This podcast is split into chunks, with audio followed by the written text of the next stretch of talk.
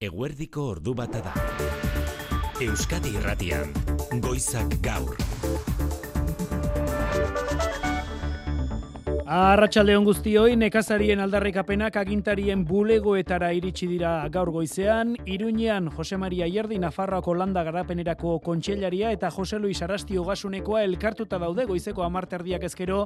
Nekazarien ordezkari nagusiekin tartean UAGN, N eta UKAN elkarteetako ordezkariekin eta baita mobilizazioak WhatsApp bidez deitu dituzten nekazarien ordezkariekin ere. Kanpoan, eunka traktore eta nekazari bilera horrek emango duenaren zain, Iruña erdigunean gau eman duten berreun traktore ingururi, beste eunka batzuk gehitu zaizkie goizak aurrera egin ala. Patxi irigoien, bianako printziaren plazan zeitxura du gaur Iruñeko erdiguneak arratsaldeon. Arratsaldeon Iruñeko etorbide nagusiak armadaren etorbidea Merindadeen plaza Bianako printzearen plaza hau oroar B Nafarroa etorbide osoa traktorez josita kasu batzuetan errei bat oztopatuta dute bertze batzuetan bi baina beti ere errei bat libre alegia trafikoa badabil aparteko arazorik ez da sumatzen garraio publikoa eta baimendutakoen artean beti ere. Atzo arratsaldeaz geroztik berreun bat eh, traktore errandu gaua hemen igaro dutela, baina goizean goizetik ehunka batu dira berriz ere eta une honetan zaila da kopuru zehatz bat ematea. Laugarren eguna izaki itxura du jendeak egoera nolabait normalizatu duela eta itxura du jendeak bertze bide batzuk hartzeko joera hartua duela joan etorriak egiteko. Nekazariekin bileran ordu honetan Nafarroako gobernua eta gauza bera egindu araban Ramiro González aldu nagusiak gazteiz hiriburuan elkartu dira. Gaur nekazari batzuk traktoreak gutxi gaur hiriburuan mobilizazio nagusia traktorekin arabako herri osan dugu une honetan Berreundik gora traktore zanbrana inguruan baitira oraintxe, N eun hogeita lau errepidean, A bat errepide nagusirako norantzkoan. Eta honekin guztiarekin batera, ezoiko argazkia gaur, Bilbon, eun bat traktore elkartu baitira erdigunean, Bizkaiko N kenbak eta labek deituta, San Mamestik, areatzaraino protestan kale nagusian barrena. Karrantzatik, mungiatik, gerniko, gernika lumotik edota durangaldetik urbildu dira nekazaria gaur goizan hiriburura. Gaso, egora, pentsua gora, oso oso setorea oso justo dau. Papeleo gero bat egixe. Guke papele ginen ez dakuzi, gure bierra da, lana itxi da, bierra itxi da, gure gure zere gine, eta ez duzko, bierra, ez dago temporarik ganauei dedikatzeko papelak ebitxute. Futuro baten ia bertatik bizitzera aiet, nazen nire kasu, por, por ejemplo, eta, bueno, Hemen txegabez, borrokan. Bere ala nekazarien borroka horren azken orduaren berri eta aurrerapen bat Gipuzkoan ere hasi dela mobilizatzen nekazari talde bat WhatsApp bidez datorren astelenerako protesta deitzeko asmotan. Gainerakoan igotza alkorta arratsaldeon. Baita zuri egeinigo. Pasaia pareko uretan onik erreskatatu dituzte gaur goizean amalau arrantzale arrantzontzi batean ura sartzen hasi ostean Galiziatik Lugotik pasaiara zijoan Marina Maria Madre arrantzontzia da matxura izan duena lehorretik ia bederatzi milatara. Goizeko bederatziak aurretxan jaso du itxas salvamenturako zentruak alerta deia itxasontziaren kroskoan zulua zutela eta ura sartzen hasia zela hartaraziz. Arrantzalek salvamentu ontzi eta sartzeko aukera izan dute eta guztiak onik erreskatatu dituzte. Iritsi berri dira pasaiko portura Denis Itxaso Espainiako gobernuaren ordezkaria. Oita mar minuturen eh, tarte horretan reskatatuak izan dira, amalau pertsona, amairu tripulante eta patroia bera, txalekoak jarri dizkiete segituan eta bueno, ez daukate inolako osasun arazorik. Ontzia ez da era bat ondoratu, albo bat altxata eta beste aurpean du uneotan eta aztertzen ari dira beste itsasontzi batek tiraka porturatu ote dezaketen. Giro politikoan Eusko Alderri Jeltzalearen eta EH Bilduren artean eserlekutan berdinketa aurreikusi du Eusko Jaurlaritzaren soziometroak hori bai bototan jeltzaleak lirateke garaile. Soziometroak azken inkesten joera berretsi du EAJ lau eserleku gutxiagorekin utzi baitu eta EH Bildu sei irabazita sozialistek amaika eserleku lortuko lituzkete, egun baino bat gehiago pepek egungo sei eutxi, eta sumar eta Podemosek bien artean hiru izango lituzkete egun batuta dituztenen erdia. Boxek bereari eutxiko liokela dio soziometroak, datuokin ozta ozta, baina gehiengo osoa izango luke egungo EAJ PSE koalizio gobernuak. Inkesta, urtarrilaren hogeita marretik otxailaren bira, bira bitartean egintzen. Bidegi hauzian beste kerela bat artxibatu du behin behinan azpeitiko epaitegiak, gaur artxibatu duena EH Bildu buru zuen foru gobernuak 2000 eta amalauan jarritako lehen kerella da, AP bat errepideko lanetan izandako gain kostuak eta dokumentuen faltsutzea salatzen zituena. Errekurtsoa jartzeko aukera dago, 2000 eta amabostean beste kerella bat jarri zuen EH Bildu buruzuen aldundiak errepide bereko gain kostu ilotuta ura ere behin behinean artxibatu egin zuen iaz azpeitiko auzitegiak froga faltagatik. Maria Ubarretxena egungo bide azpiegitura diputatua salatu du aurkari politiko eraisteko estrategia izan dela guztia. Bederatzi urte luzeren ondoren, aurkari politikoari kaltetzea besterik bilatzen ez zuen prozesu baten amaierara hurbiltzen ari gara azkenean. Pertsona gehiegiri eta aldundiari berari kalte konponezina egin zaie. Bost eguneko epea dago elegita jartzeko orain lehen artxibuari elegita jarri zion EH Bilduk behartziren ikerketak ez zirela egin argudiatuta. Eta hezkuntza alorrean aldaketa bat aurrerantzean derrigorrezko bigarren hezkuntzako titulua emango baitzaie hasierako lanbide heziketa gainditzen duten ikaslei. Hasierako lanbide heziketa aipatu dugu eta ez oinarrizkoa izena ere aldatu baitio Eusko Jaurlaritzak Jokin Bildarratz hezkuntza sailburua. Desagertu egiten da, oinarrizko lanbide heziketa hori hasierako e, lanbide heziketa izango litzateke eta ja jarrituko den duke beste e, gradu, graduekin. Izen aldatuta eta DBH titulu ematea orokortuta ikasten jarraitzeko gonbidapena egiten dela eta estigma kentzea ekarri etzen duela edo estima kentzea esan nahi duela uste du hezkuntza saia. Errepidetan zer berri iratibarrena. Arreta Barakaldon hegoaldeko saiesbidean supersur gisa ezagutzen den saiesbide horretan Bilborako norantzkoan kamioi bat irauli zen atzo eta ordutik errei bakarra izan da zabalik.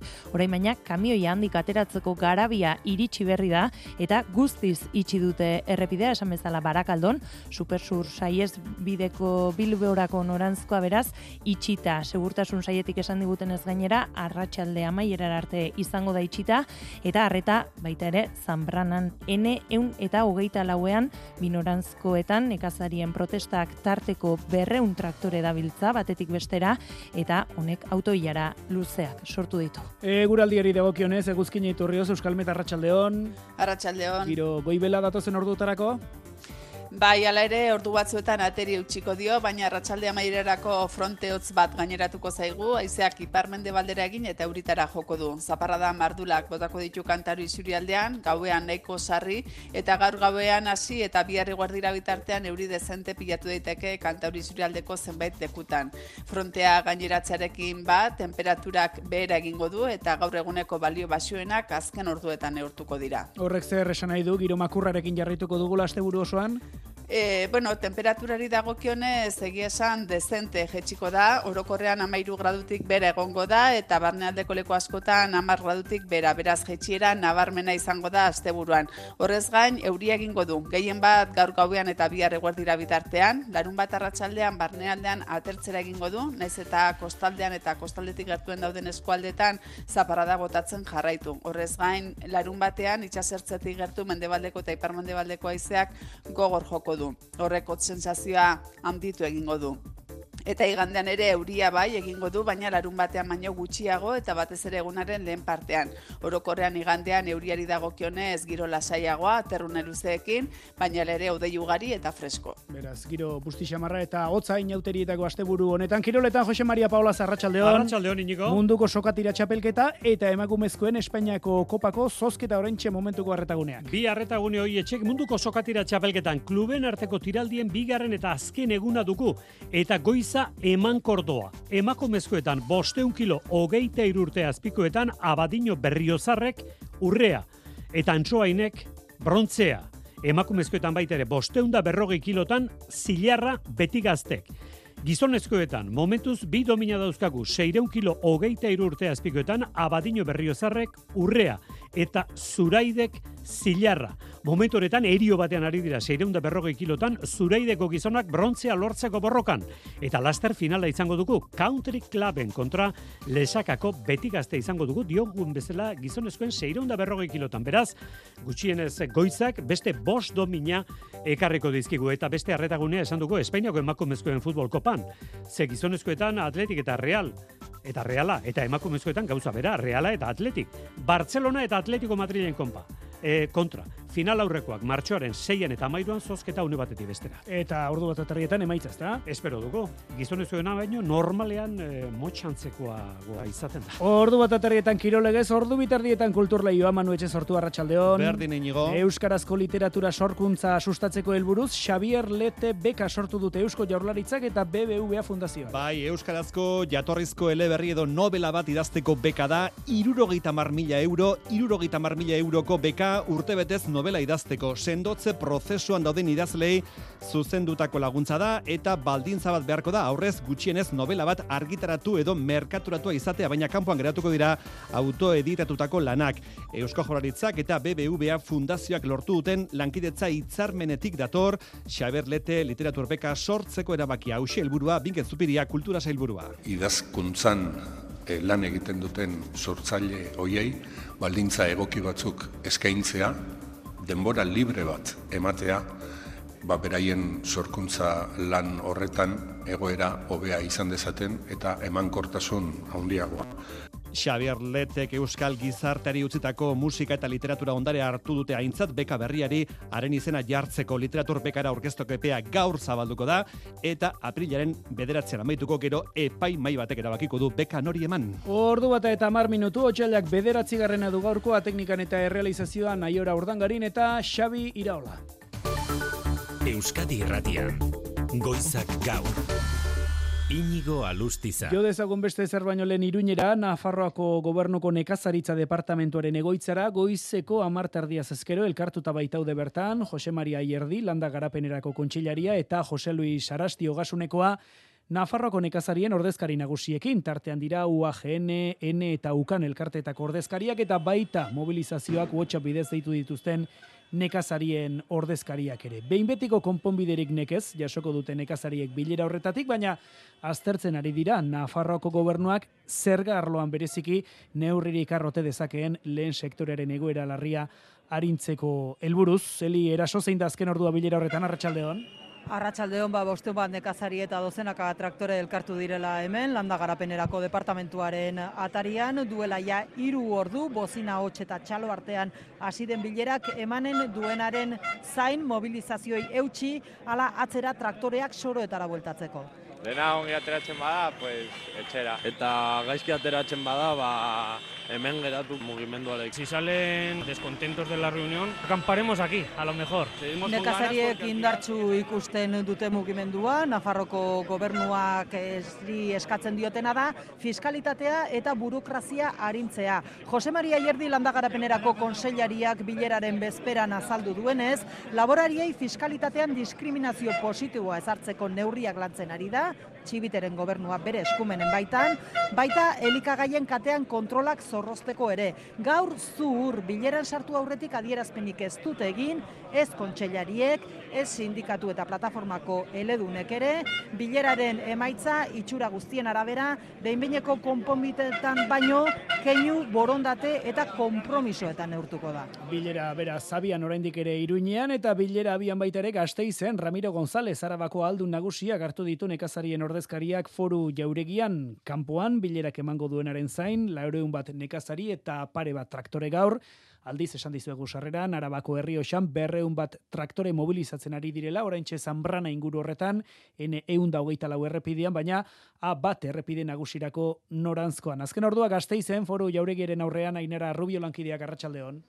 Arratxaldeon, ba, uagak berak aurre ikusten zuena baino gehiago luzatu da bilera hori, amaiketatik bilduta egon dira, oraintxe arte, sindikatuaren zuzendaritzako kideak, Ramiro González ahaldun nagusiarekin batera esan dugu oraintxe bertan amaitu da bilera, oraintxe bertan atera dira UAGako zuzendaritzako kideak eta mikrofonoa eskutan ba, hemen konzentratu direnei azalpenak ari zaizkie ematen, aste hartetik egiten ari diren aldarrikapenez gainera foru aldundiari propio eskatu diote, soilik nekazaritzari eta abeltzaintzari dagokion sail bat sortzeko legealdi honetan hori galdu baita.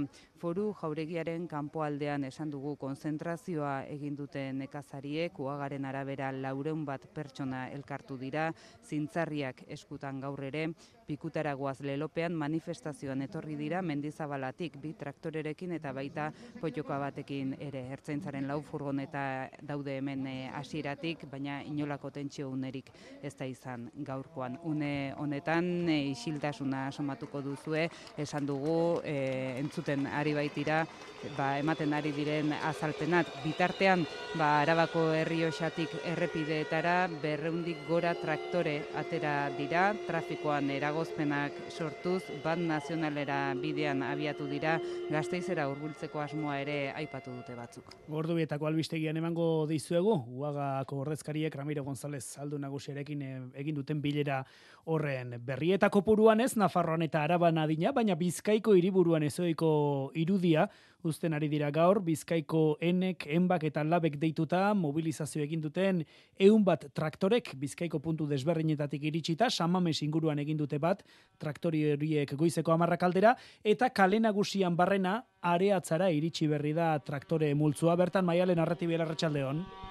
Arratxaldeon bai, espero baino motelago ari dira iristen, izan ere aurre ikuspenak gaindituta, Bizkaia osotik etorritako eundik gora traktore batu dira azkenean Bilbon, eta tantaka ari dira arriagako zubia zeharkatzen. Adin guztietako nekazari eta beltzainak ikusi ditugu traktoreak hartuta, baserriari eutxi lelopean, duintasun askatzen dute lanerako, egungo politika eta prezioekin gerozetan nekezagoa zaielako aurrera egitea entzun. Guteku okelako behiak. Hemengo karnaserietarako, eta bueno, hori apoietan dugu gehiago. Bertarako karnaseriak, supermerka hundiak, eta honek e, gauzak e, pizkat bertako okela egite kaso. Iegora, pentsua gora, setorea oso justo dau. Gazda saltzen dugu betiko denda txikixe, baina denda txikixe be bado izisten, zeme alaba dukaz etxien, eta euruek gaitxi, ba, etorren biheu. Oso zaila ikusten duenik, e, gaztientzako, hemen, hemen dauen burokrazixet. Ikuiu txiki baduk eta txalak loditzeko, haren alde ba, etorren gaz, bilbora e, borrokatzen. Futuro baten ia bertati bizitzera aiet, nazen nire kasu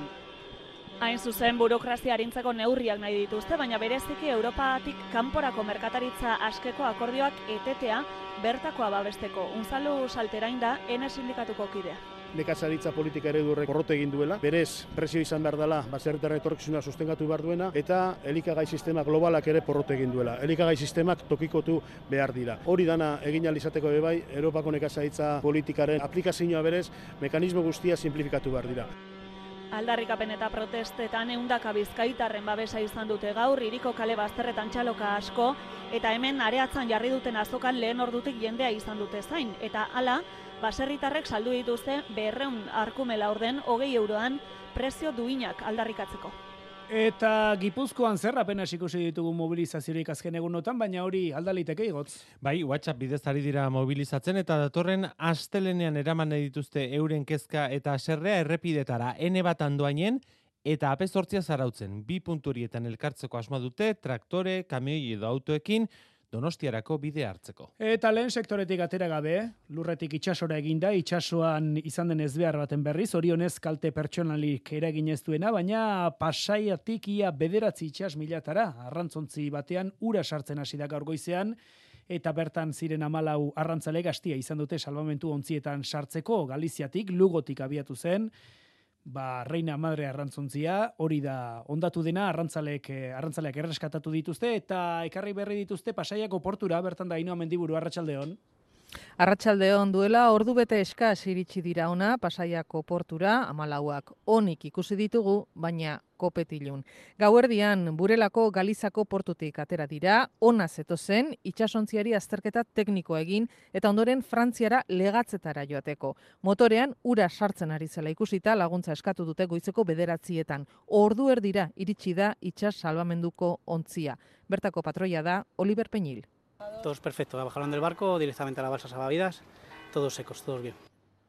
Orain, itxasontziarekin zer egin aztertzen ari dira. Denis Itxaso, Euskadin Espainiako gobernuaren ordezkaria. Baloratzen ari direna da, posible den eta merezi duen itsasontzia ona ekartzea edo beste zer egin daiteken itsasontzian halako normalkuntza bat eh, bilatzeko eta jakinda egunak neguan gaude eta motzak diren ezkero posible da negunean zehar horrelako erreskate bat egitea ala, ala beste konponbide bat bilatu behar da. Gaur biharretan hartuko dute erabakia pasaiako portua da, itxasontzitik gertuen dagoena, bederatzi itxas milietara, alegia amabos bat kilometrora, baina egoaizea Frantziako uretara eramaten ari da ontzia. Beraz, esandakoa, ontzi hori nola erreskatatu, berri hori jakin zain, hemen jarraitzen dugu pasaiako portuan.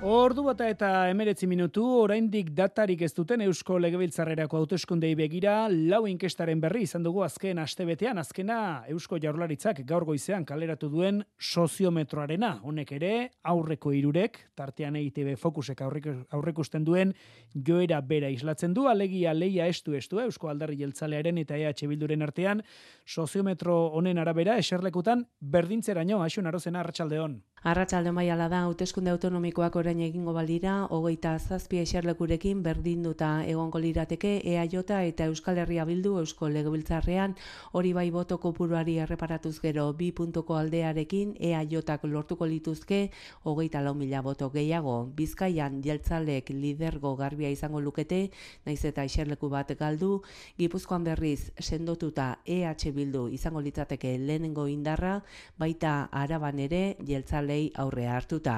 Inkestaren arabera beraz eserlekuetan berdinduta ageri dira EAJ eta EH Bildu, EAJak lau galduta eta EH Bilduk sei gehiago eskuratuta.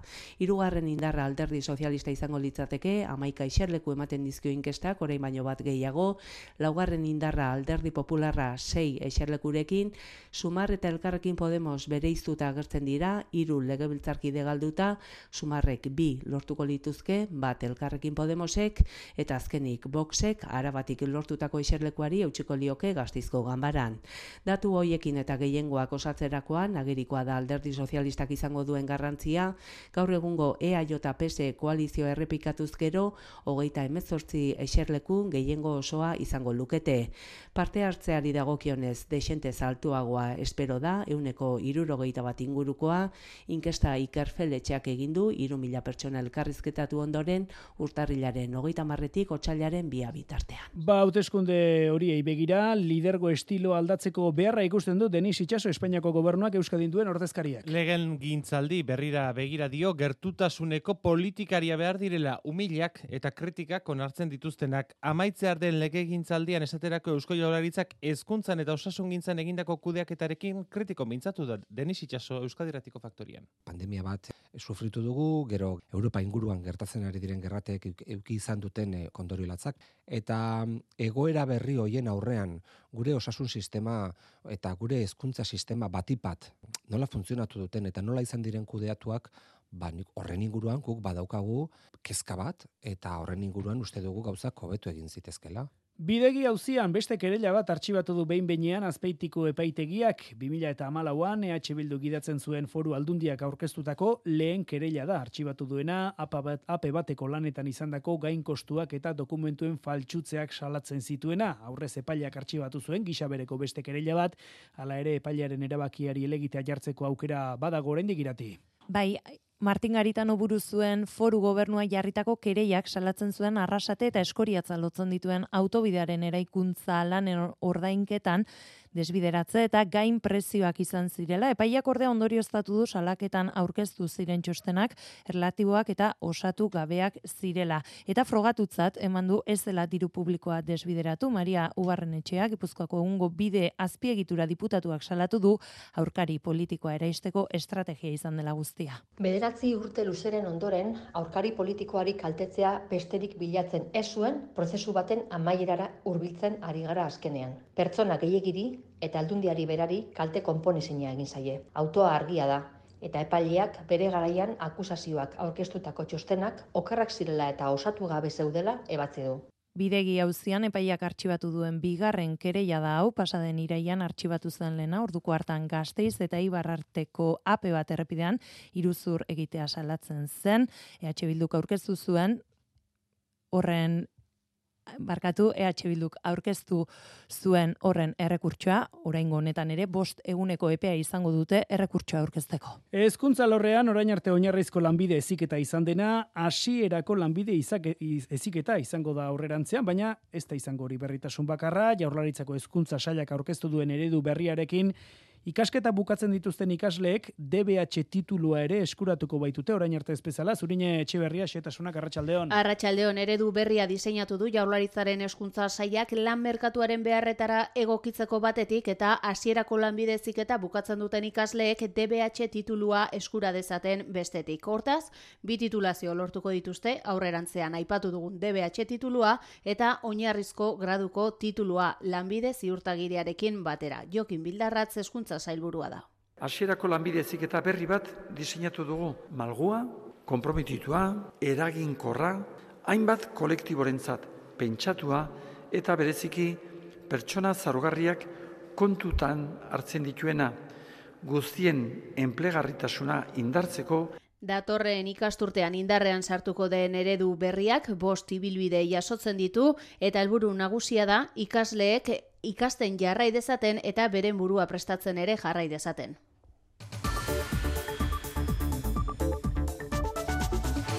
Ordu bata eta oita bos minutu nazio artean estatu batuetan Nevadako garaipenarekin irugarren estatua bere ganatu du Donald Trumpek errepublikanuen primarioetan. Hautagai izendapena lortzetik gertuago dago beraz. Trump eta bitartean Joe Biden aserre agertu da prensaurrera fiskal bereziaren txostenak presidentearen memoria arazoak agerian utzi ondoren. Izatez, agiri klasifikatuak modu irregularrean eraman izanari buruzkoa zen txostena eta Bidenen aurka kargurik ez aurkestea erabaki du fiskal bereziak. Baina, haren adina eta memoria gabeziak jarri ditu fokoan eta Bidenen premiazko agerraldian gainera, atzera beste lapsus bat ere izan du presidenteak New Yorketik berri emaile Jeraidiaz. Ikerlarien hitzetan Joe Bidenek agure bezala memoria mugatua du. Eraman zituen dokumentu klasifikatuen inguruan galdetu ziotenean, ez zuen jakin erantzuten ez noiz izan zen presidente ordea, ez noiz hil zen bere semea. How in the hell dare he raise that? Wasn't any of their damn business. Nola de Montre ausartu zen hori galdetzera esan du. Etzen bere kontua eta inork ez omen dio gogoratu behar noiz hil zen bere semea. Minutu gutxiko aurrerapenarekin deitu duen prentxaurrekoan Biden aserre agertu da. My memory is fine. Memoria ona eta presidente izateko gaitasun gehien berak dauka esan duenez. Baina minutu gutxiko adierazpenean beste lapsus bat izan du. President of Mexico, Sisi. Mexikoko eta Egiptoko presidenteak nahastu ditu. Fiskal bereziak dioenez, Bidenen kontrako kargurik ez du aurkeztuko, Trumpek ez bezala Bidenek eramandako dokumentu sekretuak berehala itzuli zituelako eta justiziarekin kolaboratu duelako. Errepublikanoak txostena Bidenen kontra egiteko ari dira aprobetsatzen, kargurako ez dagoela ondo esanez. Berez, Bidenentzat ona beharko lukeen txostena imputaziorik ez duelako, azkenean kolpe politikoa ari da izaten. Ba, gerraldi horretan bertan, gazako egoeraz galdetuta, Israelen erasoaldia neurriz kanpokotzat jodu Bidenek, orain arte etxezuritik, Israeli egindako kritikarik argiena da hori, Washingtonek jakinarazi dio jajuren gobernuari ez duela babestuko Rafaren aurkako Israelen erasoaldirik mertxe txeberria Arratxaldeon. Arratxaldeon, egoaldeko hiri horren inguruan pilatuta daude, milioi bat gazatar baino gehiago, eta Israelgo armadak Rafaren aurkako lurreko erasoaldia martxan jartzea ondamendia litzatekela guartarazi du estatu batuetako gobernuak. Israelek lurreko operazioa bertaraino eramango duen ikuskizun, azken orduotan aire egin ditu bombaketak Rafak inguruan eta gaza erdialdean janjunisen hogeita zazpi pertsona dituzte soldadu Israeldarrek Nasser ospitalaren inguruan. Azken hogeita lau orduotan eun eta zazpi palestinar gutxien ezildira gazan, bertako osasunagintarien arabera Israelen erasoen ondorio zurriaren zazpitik hogeita zazpi mila eta bederatzireun pertsona. Eta aste honetan aurrera egin ez duen sueten akordioa suspertzeko aleginean, batzartuta dira Saudi Arabian, Jordania, Egipto, Katar eta Arabiar Emir ordezkariak. Eta horbileneko informazioan, ateio dugu inauterietako asteburu nagusia, zer esanik ez e, tolosan, baina beste, baita beste hainbat herri eta iritan ere, Bilbon esate baterako, gaur arratsaldean epaituko dituzte farolin eta zarambolas, baina gaur goizean traktorek bakarrik ez, txikienek ere koloreztatu dituzte, Bilboko kaleak, bertan izan da, Marijo Deograzia Sankidea. Marrikastetxetako mila eta zeire uneska mutiko kirakasletak gurasuekin batera hartu dituzte bai Bilboko kaleak, bost urtetatik lehen hezkuntzako azken kurtsora arteko Fatima ikastetxekoak oso bogan dabiltzan birusak aukeratu dituzte eta iparragerri ikastoloko lau urteko ikasleak berriz dinosauros jantzita atera dira. Hauek dira em, virus batzuek eta beraiek dira medikoak. Kurtzo bakoitzak koloretako bat. E, berdeak adibidez bakteriak dira eta beste batzuk koronavirusa eta gripe arrunta. Dinosauruak eta nagusiak gara arkeologoak. Gauz galantzen e, dinosauruak eta aroak eta orduan e, proiektukoa gaia kontuan izan da, ba, buruatu zitzaigun hau. Arratsaldean Farolin eta Zarambolasen txanda izango da. Seietan hasiko da kalejira hoi bezala, Bilboko inauterien ikur diren protagonista biekin. Aurten lutxu egia eta jasoneak izuri egokitu zaie Farolin eta Zarambolasen papera jokatzea eta eurek antzestu beharko dute Arriaga plazan, Bilboko herritarren lasaitasuna apurtzeagatik epaiketa. Mila bertzireun da laurogeita lautik, umore kutsuan egiten den ekitaldia eta ez txarra epaitzeko, ona saritzeko baizik eta nola ez, Bilboko inauteriei hasiera emateko. Ordu bat atardiak jotzear.